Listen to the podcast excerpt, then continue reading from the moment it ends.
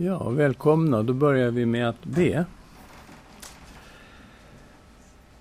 Tack Herre för att vi får samlas i ditt heliga namn. Tack för löftet Herre Jesus att du är här mitt ibland oss. Gode Gud, fyll oss med din heliga Ande.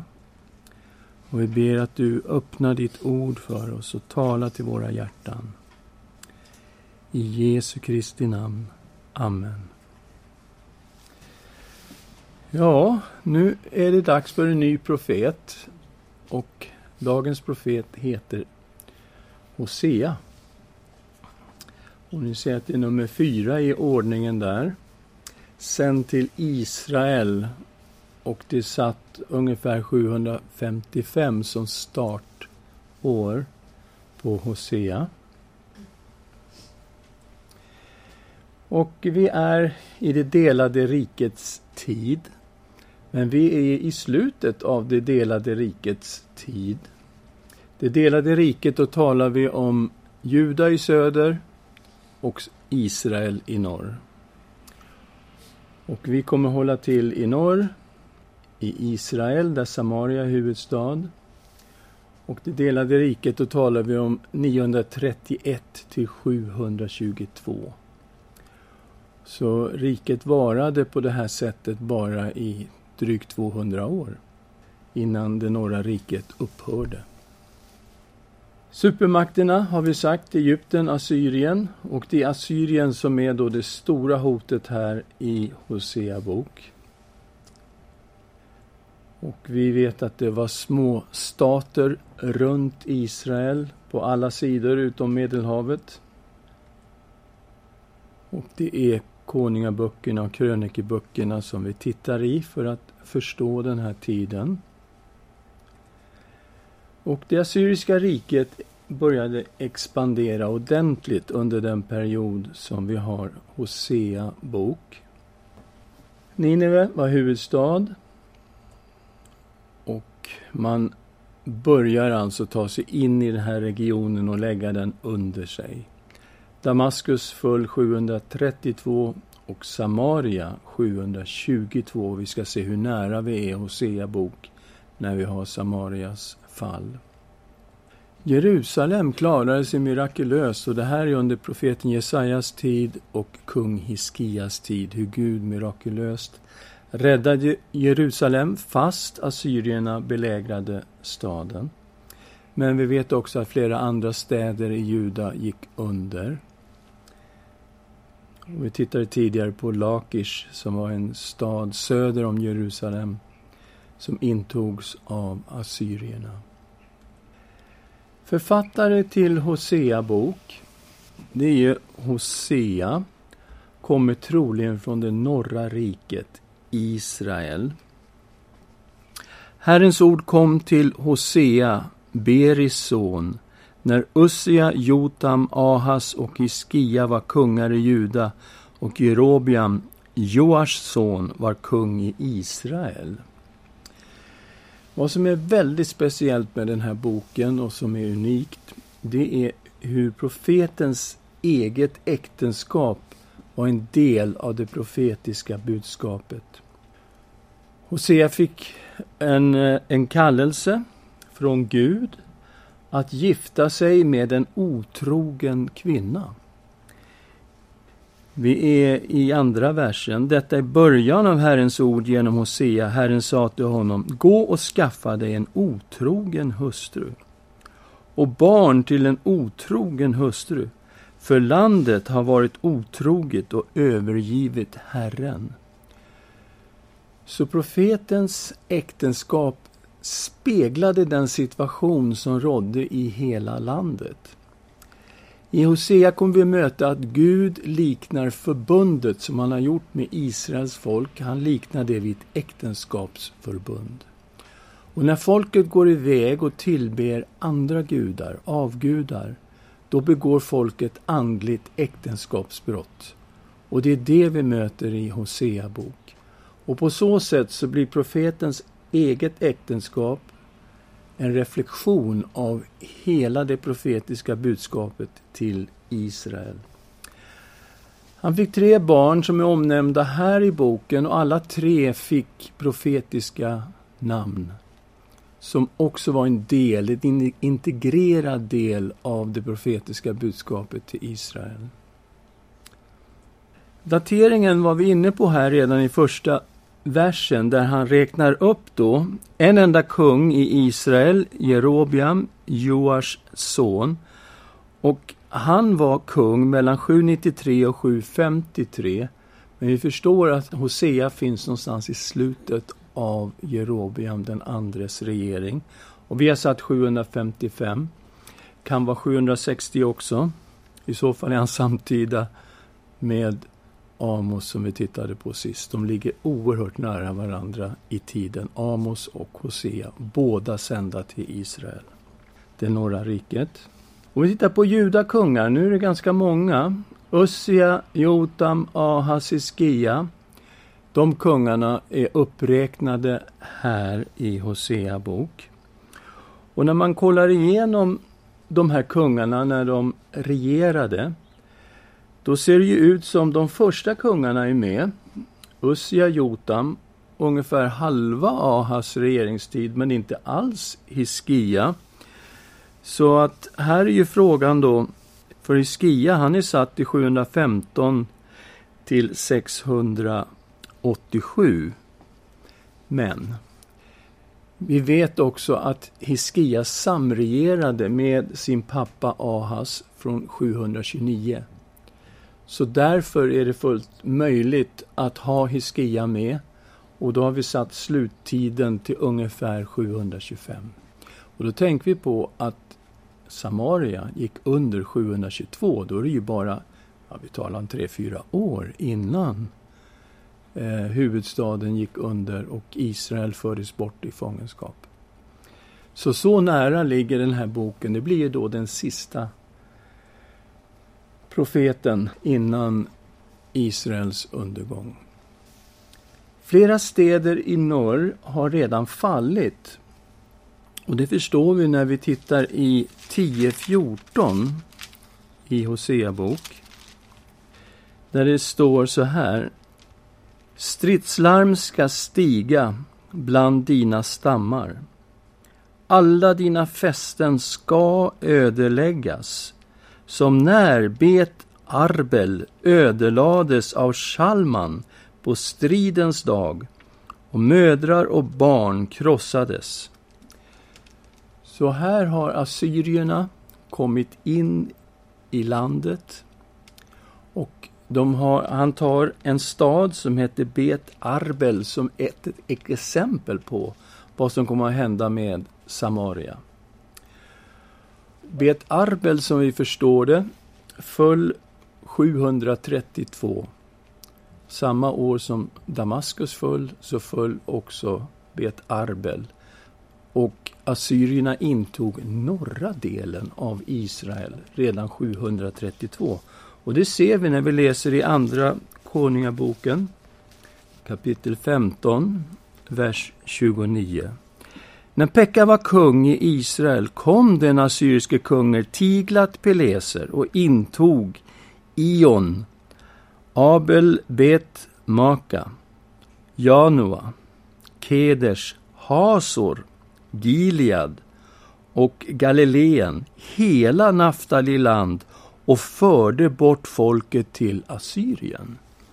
Så det här är norra delen av Israel som intas av assyrierna redan 732. Och det är ju under då den tid som vi sagt att Hosea fortfarande profeterar. Och därför kan han ta det här exemplet av Bet Arbel i kapitel 10, vers 14. Här ser ni en bild av Hasor och ruinerna i Hasor, som är en av de städerna som assyrierna intog. Och det var 732.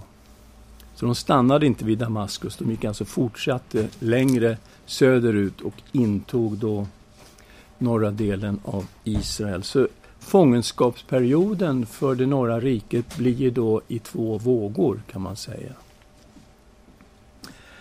Hosea bok är då den sista varningen till Israel innan landet gick under och upphörde att existera som land.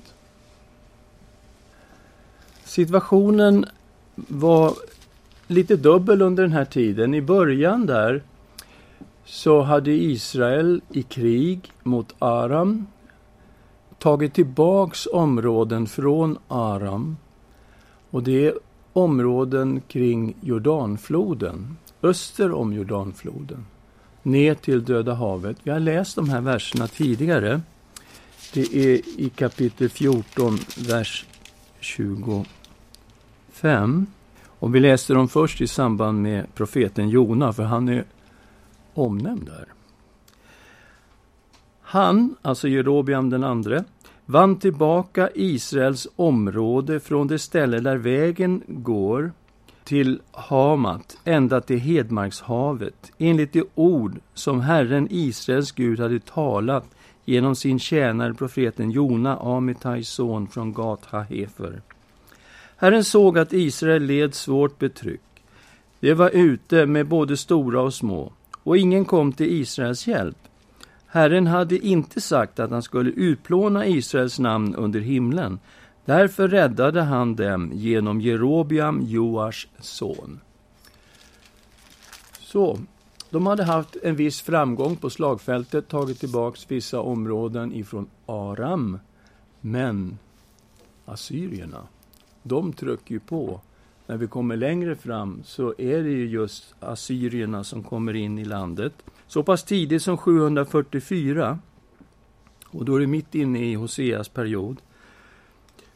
Och vi är i Andra Konungaboken, kapitel 15, vers 19 till 20. Kung Pul av Assyrien trängde in i landet. Då gav Menachem 1000 talenter silver till Pul för att han skulle understödja honom och befästa kungadömet i hans hand.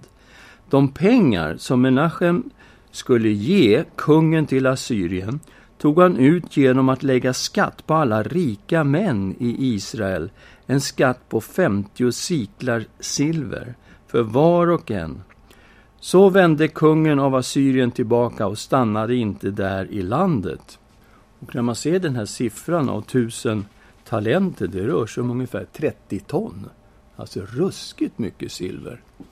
Och den här skatten som man tog, ungefär ett halvt kilo eh, för varje rik person som kunde avvara. Så det är många familjer som måste avvara de här 50 siklarna för att få ihop tusen talenter silver, som då var en skatt som lades för eh, att Assyrien då skulle lämna landet och återvända till Assyrien och inte inta Israel redan då.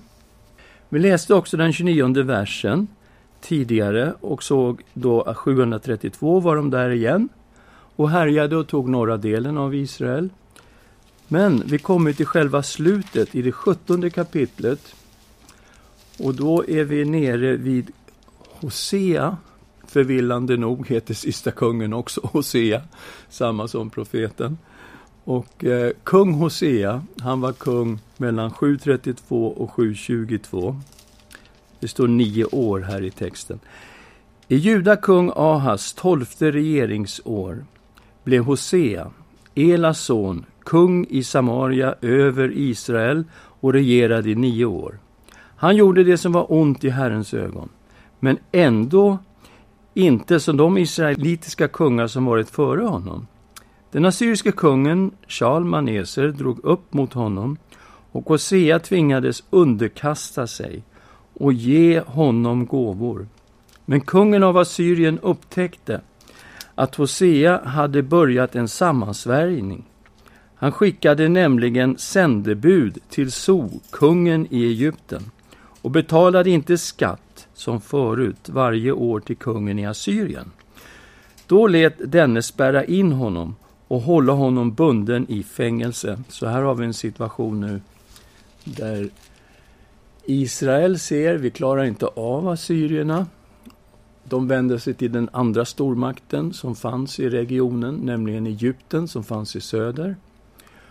Och försökte på olika sätt och med gåvor få locka in egyptierna att strida mot assyrierna och på så sätt få av det här oket.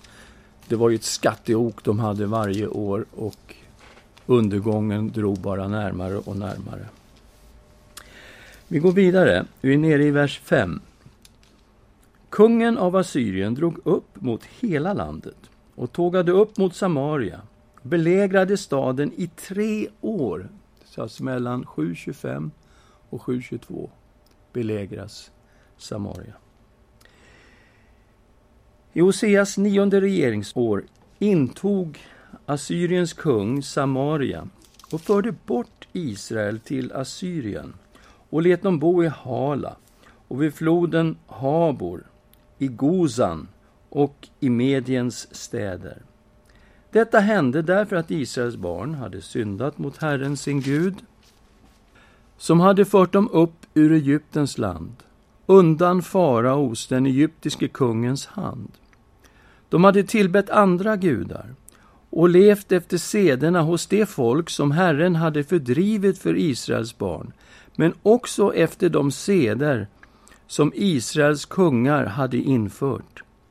Israels barn hade i hemlighet gjort sådant som inte var rätt mot Herren sin Gud. De hade byggt sig offerhöjder i alla sina städer, vid vakttornen, såväl som i de befästa städerna. De hade rest stoder och asherapålar åt sig på alla höga kullar och under alla gröna träd. Där hade de tänt offereld på alla offerhöjder, på samma sätt som det folk som Herren hade drivit bort för dem. De hade gjort det som var ont och därigenom väckt Herrens vrede. De hade tjänat eländiga avgudar, fastän Herren hade sagt till dem, ni ska inte göra så. Herren hade varnat både Israel och Juda genom alla sina profeter och siare och sagt Vänd om från era onda vägar och håll mina bud och stadgar enligt hela den lag som jag gav era fäder och sände till er genom mina tjänare profeterna. Men de lyssnade inte, utan var hårdnackade som sina fäder, som inte trodde på Herren sin Gud. De förkastade hans stadgar och förbundet som han hade slutit med deras fäder och förordningarna som han hade gett dem. De följde tomma avgudar och blev själva tomma, liksom folken omkring dem, fastän Herren hade förbjudit dem att göra som dem. De övergav Herren, sin Gud, alla bud och gjorde sig gjutna bilder i form av två kalvar. De gjorde också asherapålar åt sig och tillbad himlens hela härskara och tjänade Bal. De lät sina söner och döttrar gå genom eld och utövade spådom och trolldom. De sålde sig till att göra det som var ont i Herrens ögon och väckte därmed hans vrede. Därför blev också Herren mycket vred på Israel och försköt dem från sitt ansikte så att endast Judas stam blev kvar. Så här har vi nu alltså den fulla bilden given här i Andra Konungaboken 17, 1-18. Och vi ser varför domen kom över Israel. Det är ju på grund av avguderiet. Det är det som lyfts fram framför allt här. Men också de här två guldkalvarna som Jerobiam satte upp på 900-talet. Så nu ser vi den politiska situationen och vi ser hur snaran långsamt men säkert drogs åt kring Israel och hur man i två olika grupper fördes bort i fångenskap till Assyrien. Den sociala situationen var rätt okej. Okay. Det norra riket upplevde något av en glansperiod. Vi har just gått igenom Amos. Och där såg vi ju hur överklassen i Samaria levde i lyx och mådde mycket bra under Jerobiam den andres tid när Amos var profet. Eliten de skodde sig på de fattiga, de sög ut de fattiga och berikade sig på de hjälplösa i landet. Och den religiösa situationen tittade vi också på när vi höll på med Amos bok. I Betel stod alltså en av de här två guldkalvarna och i Dan stod den andra.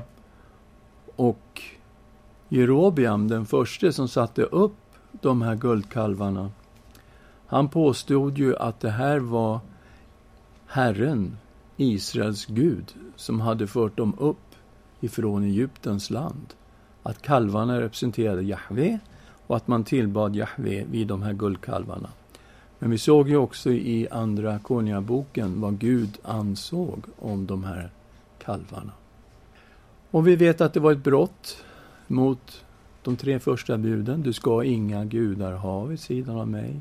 Andra budet, du får inte göra något beläte eller bild eller någonting sånt här och falla ner och tillbe inför detta. Och tredje budet, du får inte missbruka Herren i Guds namn. Och de här tre buden bröts ju hela tiden. Bara genom de här två guldkalvarna. Plus avguderiet som kom in. Och ni ser bilden här, den är ju tagen i dagen, där man kan se stället där altaret för guldkalven stod i dagen. Vi tittar också när vi gick igenom Amos bok att de offrade ju på andra platser. Bersheba är omnämnt och vi tittade på de här bilderna ifrån museet i Jerusalem. Det vänstra där är ju från Bersheba. Ett altare med fyra horn och vi ha märke till att det är en orm inristat på detta altare. Och att vi förstår, här kommer synkretismen in. Man blandar ihop religionerna, man tillber Jahve, men man liksom blandar in helt andra hedniska inslag i sin Guds tillbedjan. Och det Arad är ju ännu mer chockerande, för där är det två altare. Och ska man tillbe Jahve ska man ju bara finnas ett altare. Men här är ett större och ett mindre rökelsealtare. Och det verkar ha funnits en övergud och en undergud. Och här har vi en synkretistisk tillbedjan igen av Jahve. Och Arad är ju egentligen från Juda, det är södra Juda. Den här eh, platsen. Men det problem som tas upp i Hosea bok är framförallt balstyrkan. Och balstyrkan var mycket stort i Israel. Alltså Bal som sådan, han var en gud för vind och storm, kan man säga. Oska och sådana här saker. Och tillsammans då med sin syster och sin partner, Astarte, så blev hela kulten en fruktbarhetskult. Där man ville ha stora skördar. Det gäller fruktträden, men det gäller också säden och vin och ull. Alltså det handlar om fårjordarna. Allting skulle ge stora, rikliga skördar av fruktbarhet.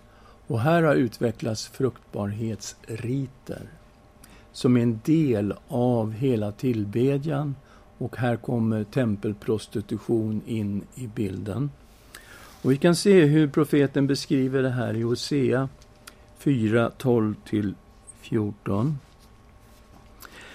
Mitt folk frågar sin avgudabild av trä och hämtar svar från sin stav, för en otuktsande har vilselett dem så att de begår otukt och överger sin Gud.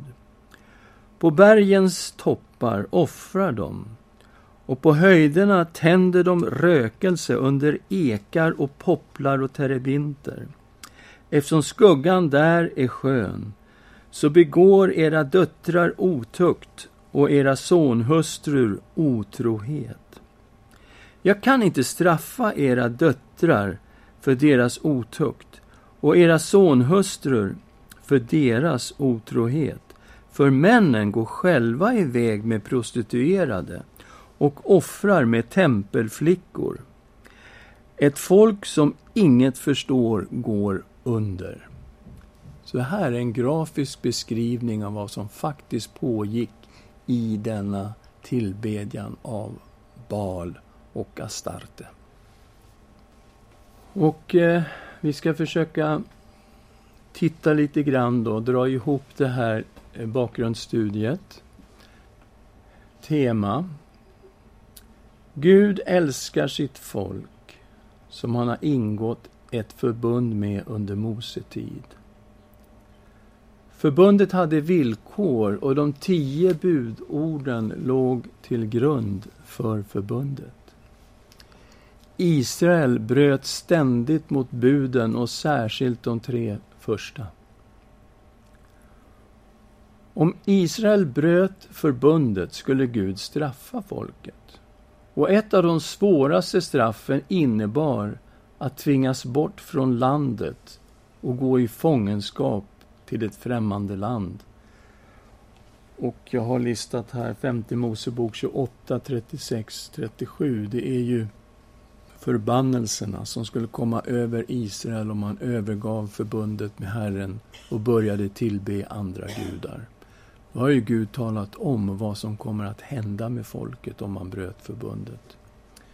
Och det är det här förbundet som då hela tiden finns i bakgrunden. Precis som vi sa när det gäller Amos bok, samma sak gäller för Hosea bok. Det finns en förbundsrelation mellan Herren och Israel och förbundet har villkor. Förbundet i Hoseas bok liknas vid ett äktenskapsförbund. Israel begick andligt äktenskapsbrott när de tillbad avgudar. Israel tillbad dessutom Jahve vid de två guldkalvarna i Betel och Dan. Gud godtog inte denna religionsblandning. Han kallade Israel till omvändelse och trohet. Gud ville inte döma Israel, men han tvingades till det på grund av folkets otrohet. Lite sammanfattande tankar. Huvudstaden för det norra riket, Samaria, intogs 722 före Kristus, strax efter att Hoseas bok skrivits. Israel fördes bort i fångenskap till Assyrien och det norra riket upphörde att existera. Samma straff skulle en dag drabba det södra riket Juda. Och Juda berörs på några få ställen i boken. Det här visar att Gud hade kvar visionen för hela folket och det enade riket. De troende fick veta att de en dag skulle få komma tillbaka till landet. Och det finns några sådana här glimtar, så att säga, av en helt annan framtid än den som låg alldeles runt hörnet. Och när man går till, läser kapitel 1, vers 10 och 11 så ser man någonting som nästan är lösryckt och fristår eh, på något sätt, eh, nästan som i luften. Vad Gud talar hopp helt plötsligt. Och han gör det utifrån förbundet. Vi läser kapitel 1, vers 10. Men antalet av Israels barn ska bli som havets sand som inte kan mätas eller räknas.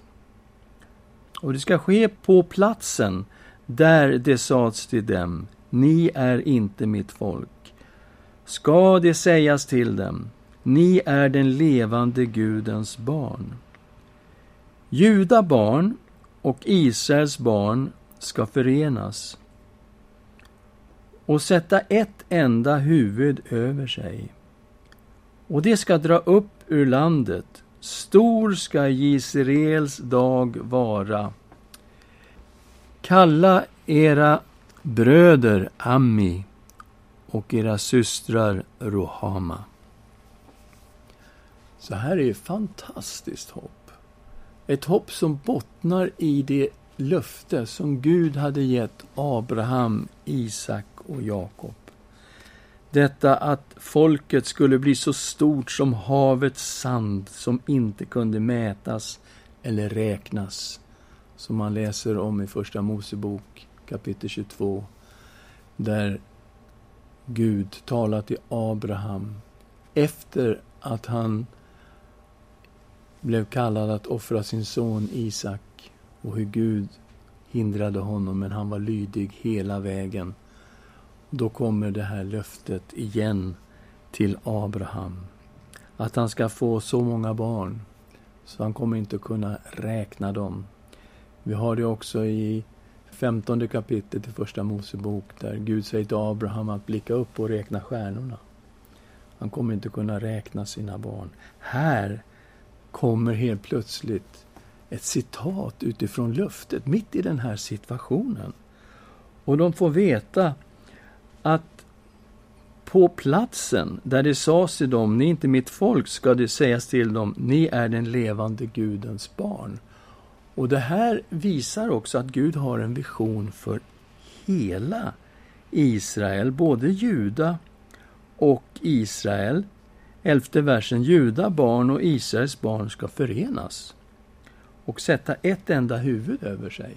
Och vi kommer in i Nya testamentet och vi vet att det är Messias, Kristus, som är det här huvudet som sätts över Guds folk. Och både Petrus och Paulus använder just det här stället, och vi kommer till det senare i vårt studium, använder just det här stället för att tala om att judar och hedningar nu är ett i Kristus. Och de som inte var Guds folk, ja, det är ju alla hedningarna. Så nu får veta att de har blivit Guds barn i Jesus Kristus, den levande Gudens barn. Så att det är så Paulus och Petrus använder det här. Men jag ska inte föregå detta, för vi kommer att gå in och titta mer i detalj på det här stället, men vi kommer också titta i Nya Testamentet och se hur man använder Hosea som är citerad på ganska många ställen i Nya Testamentet. Ja, det är ungefär så långt. Eh, vi hade tänkt gå här med bakgrundsstudiet innan vi så att säga går in i själva boken. Har ni några tankar kring den här boken?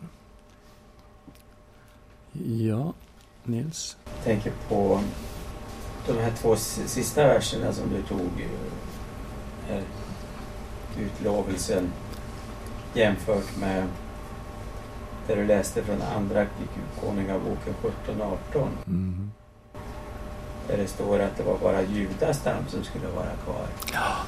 Hur är det? De, de som finns idag, är det bara judar kvar? Eller är det judar och israeler? Det är sant att det är en, en rimlig fråga. Därför att man talar ganska allmänt om de tio förlorade stammarna. Då menar man det norra riket som fördes ut i det assyriska riket. Assyrierna hade just den här idén att man skulle bryta upp folkens etniska identitet. Och därför gjorde man precis som Stalin, man tog folk ifrån ett område och placerade någon annanstans i det assyriska riket. Och vi vet också att de gjorde likadant med Israel, de förde in olika folk som skulle bosätta sig i det norra riket. Och det är det som blev samarierna. Eh, som vi möter under Nya Testamentets tid. Och Jesus går till Samarien och till Sykar och så. Så att eh, man hade den här idén att man skulle bryta upp folkens identitet. Men vi vet också både från Amos bok och Hosea bok att de här får höra att de ska en dag få komma tillbaks till landet. Och eh, det är ju också så när vi kommer in i Nya Testamentet att vi möter människor ifrån de andra stammarna som är medvetna om vilken stam de kommer ifrån. Till exempel Hanna som var en som tjänade Herren dag och natt med fasta och böner. 84 år gammal tror han var där i, i Lukas kapitel 2. Så står det att hon var från Asers stam och det är en av de norra stammarna. Och hon var medveten om det och Lukas som skrev var också medveten om det. Vi vet att Saul, aposteln Paulus, han var från Benjamins stam, som också då är en norrstam. Eh, precis över gränsen mellan Juda och Israel kommer Benjamin direkt på där. Så att vi möter sådana här människor också i nytestamentlig tid. Människor som vet vilken stam de kommer ifrån. Så det är helt klart att en del har kommit tillbaka. När judarna kom tillbaka måste också en del av de här som hade profetorden ifrån Amos och Hosea, de måste veta att ja, Gud såg dem och de ska också få komma tillbaka. Hur många det är, det vågar jag inte säga. Men på något sätt så vet vi också nu att judarna levde i diasporan och gör det fortfarande idag. Och det finns väldigt gamla kommuniteter av israeler i de här områdena man talar om, Assyrien då, då är uppe i Irak. Och även då judar till Babylonien, vi talar om också Irak men också Persien. Och det är ett väldigt fascinerande studium. Jag hörde om en folkgrupp som kom från Azerbajdzjan när jag var ute och undervisade på en bibelskola. Och de hade gjort DNA-test på dem och de, de påstår att de har kommit fram till att den här folkgruppen är israelisk. Så långt upp som Azerbajdzjan. Så det är ganska intressant detta. En svår fråga som vi inte har något enkelt svar på, men absolut individer kom tillbaka. Ja. Varför kallar man Israel Israel idag? Det är ju liksom juden som var judarike som var där Jerusalem är. Men, men... Jag kan inte det, men jag anar att det går tillbaks till, man tittar hela tiden till storhetstiden av det enade riket. Och då framförallt kungarna David och Salomo som man tittar på i det enade riket. Eh, Salomo som byggde templet. David som liksom satte upp hela det eh, israeliska storriket. Och eh, att det är det som är idealbilden. Så jag tror, utan att veta, att det är så. Att man ser väldigt mycket till David. Ja. Det här är ju det eh, talet om Israel på Gamla Testamentets tid. Men då snuddar vi det här att sen kommer Jesus och, och eh, då uppstod det ju olika läror på det här om Israel, vad som har hänt med Israel i det här läget. Var, det, var Israel fortfarande eh, löfteslandet och löftesfolket eller ersattes det fullt ut utav, utav Jesus så att alla Guds barn över världen blev, blev så att säga Guds folk. Det är så kallad ersättningsteologi. Mm. När vi kommer in i Nya Testamentet så möter vi detta att alla Guds löften är uppfyllda i Kristus. Och det tittade vi väldigt noga på när vi gjorde översiktskursen över Nya Testamentet och tillbringade tre lektioner på just detta. Med på vilket sätt har alla Guds löften blivit uppfyllda i Kristus? Som Paulus säger i Andra Korinthierbrevet kapitel 1. Jesus själv sa att jag inte kommer för att upphäva lagen eller profeten, jag kommer för att fullborda. Och vad ligger i detta fullbordande? Och då ser vi hur Nya Testamentets författare har tolkat Gamla Testamentet och satt då Kristus som det viktiga. Och det gäller både judar och hedningar. Så det är inte så att judarna de är fritagna från att ta ställning till Jesus som Messias, som Guds son. Utan de är kallade att göra det också. Och alla de första kristna var ju judar. Och det gäller ju alla apostlarna var ju judar. Så att eh, hela urkyrkan har sin grund i judendomen. Vi tittade på det förra gången när vi jobbade med Amos.